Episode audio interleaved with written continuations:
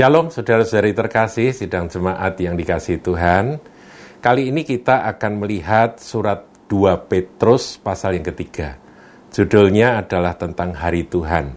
Di dalam tulisan Petrus tersebut, uh, Petrus uh, mencatat bahwa di hari-hari terakhir akan ada pengolok-pengolok, pengecek-pengecek dengan ejekan-ejekan mereka dan mereka bertanya, di manakah janji tentang kedatangannya? Sebab dari dulu hal itu sudah dibahas, sudah dibicarakan, tapi sampai sekarang juga belum terjadi. Nah, saudaraku, kita akan lihat ayat yang ke-8. Jadi 2 Petrus 3 ayat yang ke-8. Akan tetapi saudara-saudaraku yang kekasih, yang satu ini tidak boleh kamu lupakan. Jadi kita nggak boleh lupa akan yang satu ini. Apa itu? Yaitu di hadapan Tuhan satu hari sama seperti seribu tahun dan seribu tahun sama seperti satu hari. Jadi waktu Tuhan dengan waktu kita beda, saudaraku. Kita ini ngitung dari tahun ke tahun rasanya lama begitu ya, dari satu tahun, dua tahun, tiga tahun. Tapi bagi Tuhan, setahun, apa seribu tahun itu seperti satu hari. Dan satu harinya Tuhan itu seperti seribu tahun. Jadi Tuhan itu adalah Tuhan yang melampaui ruang dan waktu. Jadi kita nggak bisa mengukur Tuhan, waktunya Tuhan dengan waktu kita. Nah, kemudian ayat 9 kalau saudara lihat, Tuhan tidak lalai menepati janjinya. Sekalipun ada orang yang menganggapnya sebagai kelalaian. Mana janji kedatangannya dan seterusnya ya, itu dipertanyakan dari zaman ke zaman. Tetapi ia sab sabar terhadap kamu. Karena perhatikan, ia menghendaki supaya jangan ada yang binasa, melainkan supaya semua orang berbalik dan bertobat. Itu adalah hatinya Tuhan. Jadi kalau seakan-akan Tuhan e, menunda-nunda hari kedatangannya sebagai sebuah kesempatan bagi umat manusia untuk bertobat, datang kepada Dia dan beroleh keselamatan. Kira-kira inti daripada apa yang disampaikan oleh Rasul Petrus itu seperti itu. Nah, saudaraku,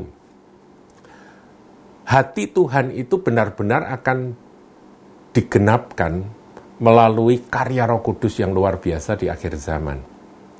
Kalau saya membaca akan pelayanan dari hamba Tuhan, almarhum Reinhard Bonke, wow, itu dahsyat sekali, saudaraku di Afrika dalam pelayanannya yang puluhan tahun ya sejak tahun 67 dia sudah melayani di Afrika sampai pada hari dia dipanggil pulang oleh Tuhan.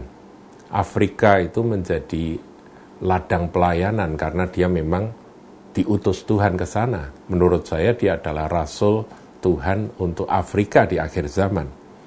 Kalau nggak salah tercatat lebih dari 60 juta jiwa yang e, mengambil keputusan menerima Yesus Kristus sebagai Tuhan dan Juru Selamat sepanjang pelayanannya.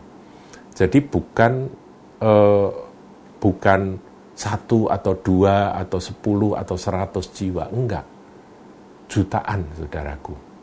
Dan itu terjadi. Karena apa? Karena ini Tuhan mengasihi jiwa-jiwa dan dia merindukan orang-orang dapat diselamatkan, tidak binasa melainkan beroleh hidup yang kekal.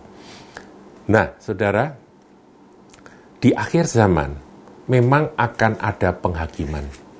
Akan ada apa yang diistilahkan dalam bahasa sehari-hari itu kiamat, Saudaraku ya. Itu memang ada.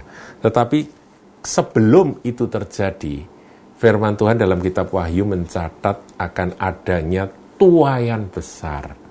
Nah, kalau saya membaca akan riwayat pelayanan dari Reinhard Bonke, saya percaya bahwa tuayan besar terus terjadi.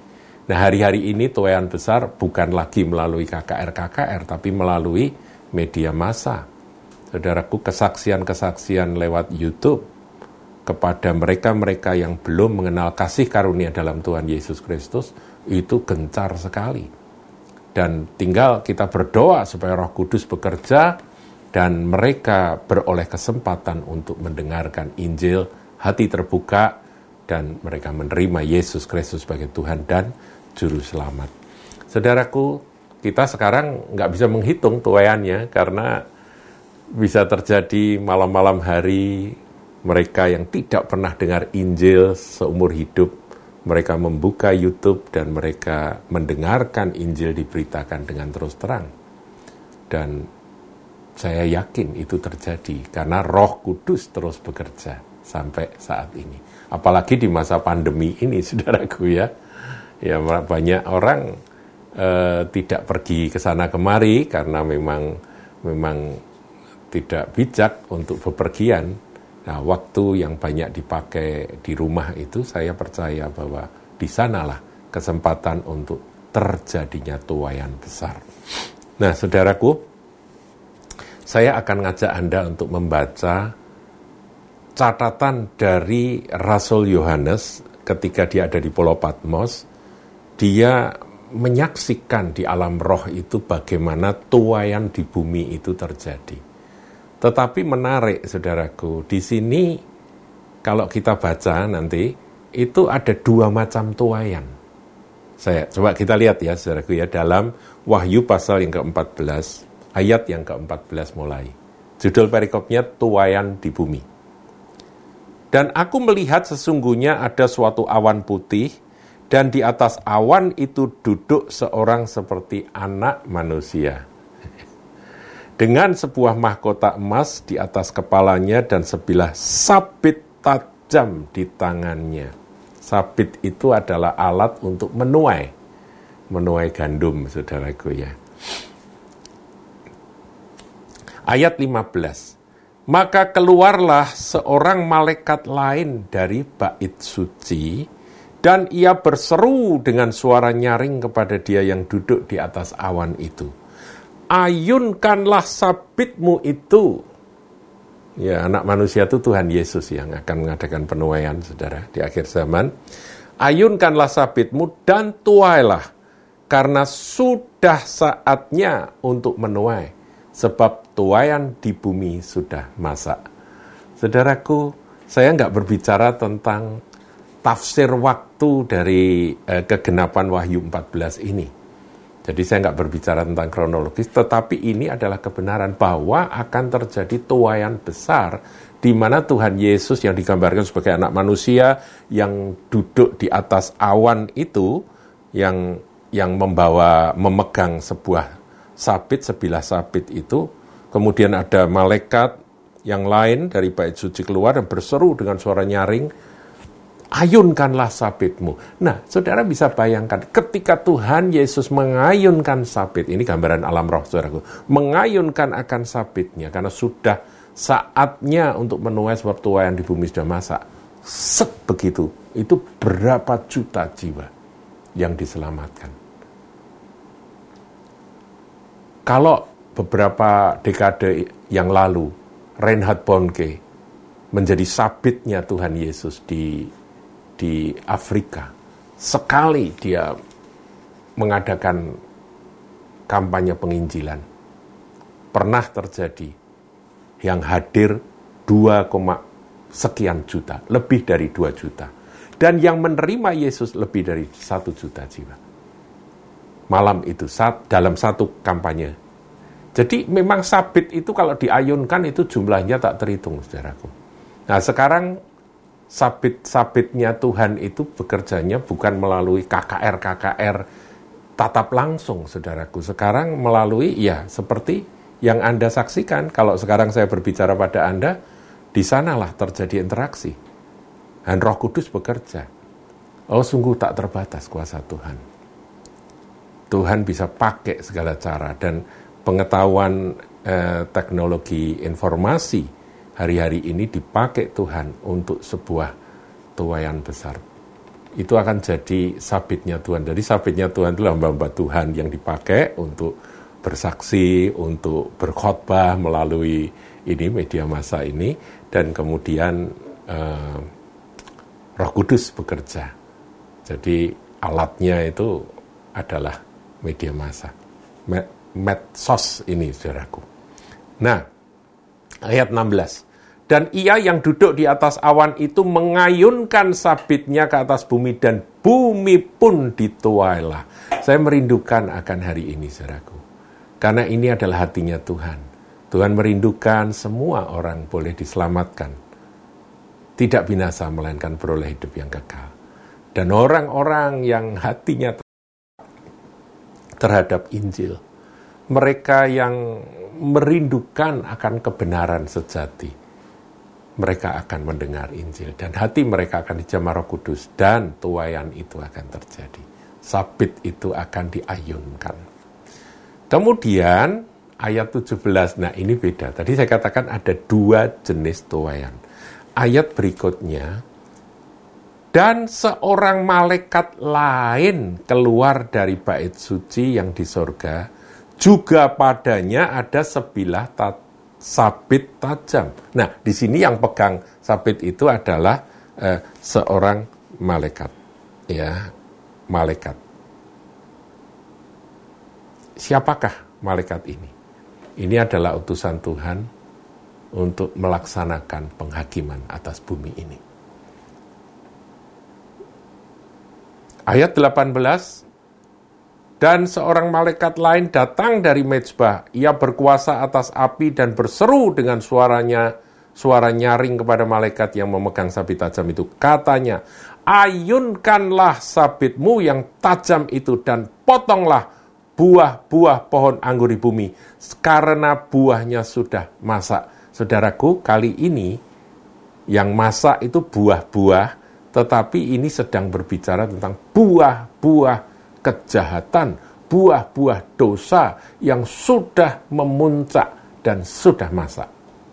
Seperti pada zaman Nuh dikatakan bahwa kejahatan manusia itu sudah membubung tinggi digambarkan sampai ke surga. Nah, inilah yang disebut dengan tuayan kedua, yaitu tuayan penghakiman, penghukuman. Maka dari itu kalau kita lihat ayat 19, lalu malaikat itu mengayunkan sabitnya ke atas bumi dan memotong buah pohon anggur di bumi dan melemparkannya ke dalam kilangan besar, yaitu apa saudaraku? Murka Allah. Ini adalah gambaran dari penghukuman Allah di akhir zaman.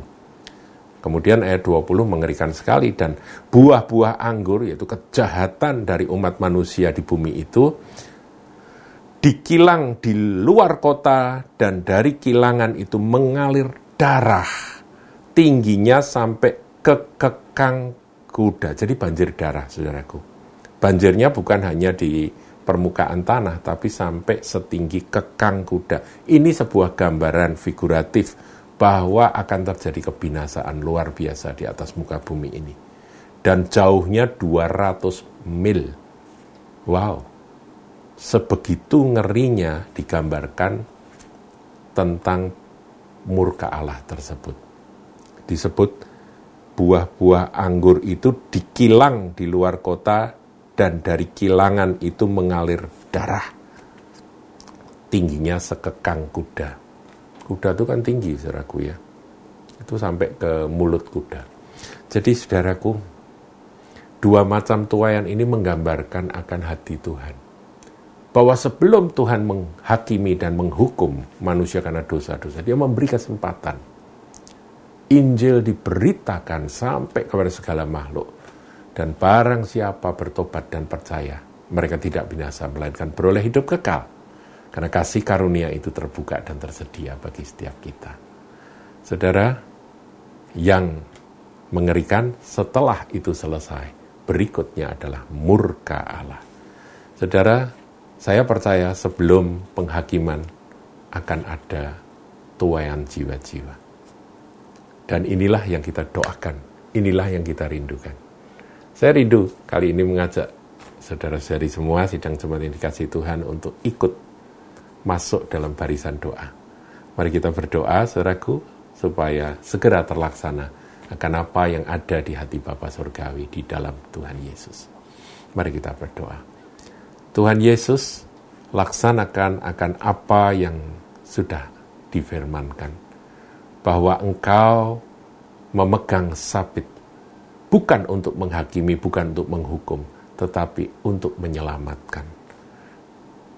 Seberapa banyak tempat-tempat yang di mana buahnya sudah masak, tuayannya sudah matang, kiranya engkau bekerja dengan kuat kuasa roh kudus, bekerja sehingga banyak jiwa-jiwa diselamatkan. Oh Tuhan, Indonesia adalah Kedar dan Nebayot. Dan mereka tidak banyak yang mengenal kasih karunia di dalam Yesus Kristus Tuhan. Dan sekarang ini kesempatan di mana berbagai kesaksian bermunculan di YouTube. Kami berdoa supaya mereka punya akses untuk mendengarkan Injil. Dan kalau mereka termasuk dari tuayan yang sudah masak, kiranya sabitmu Tuhan engkau ayunkan. Indonesia akan diselamatkan, dilawat. Karena kami tahu setelah tuayan keselamatan akan ada tuayan murka Allah. Kami bersyukur di dalam nama Tuhan Yesus Kristus. Amin. Tuhan Yesus memberkati.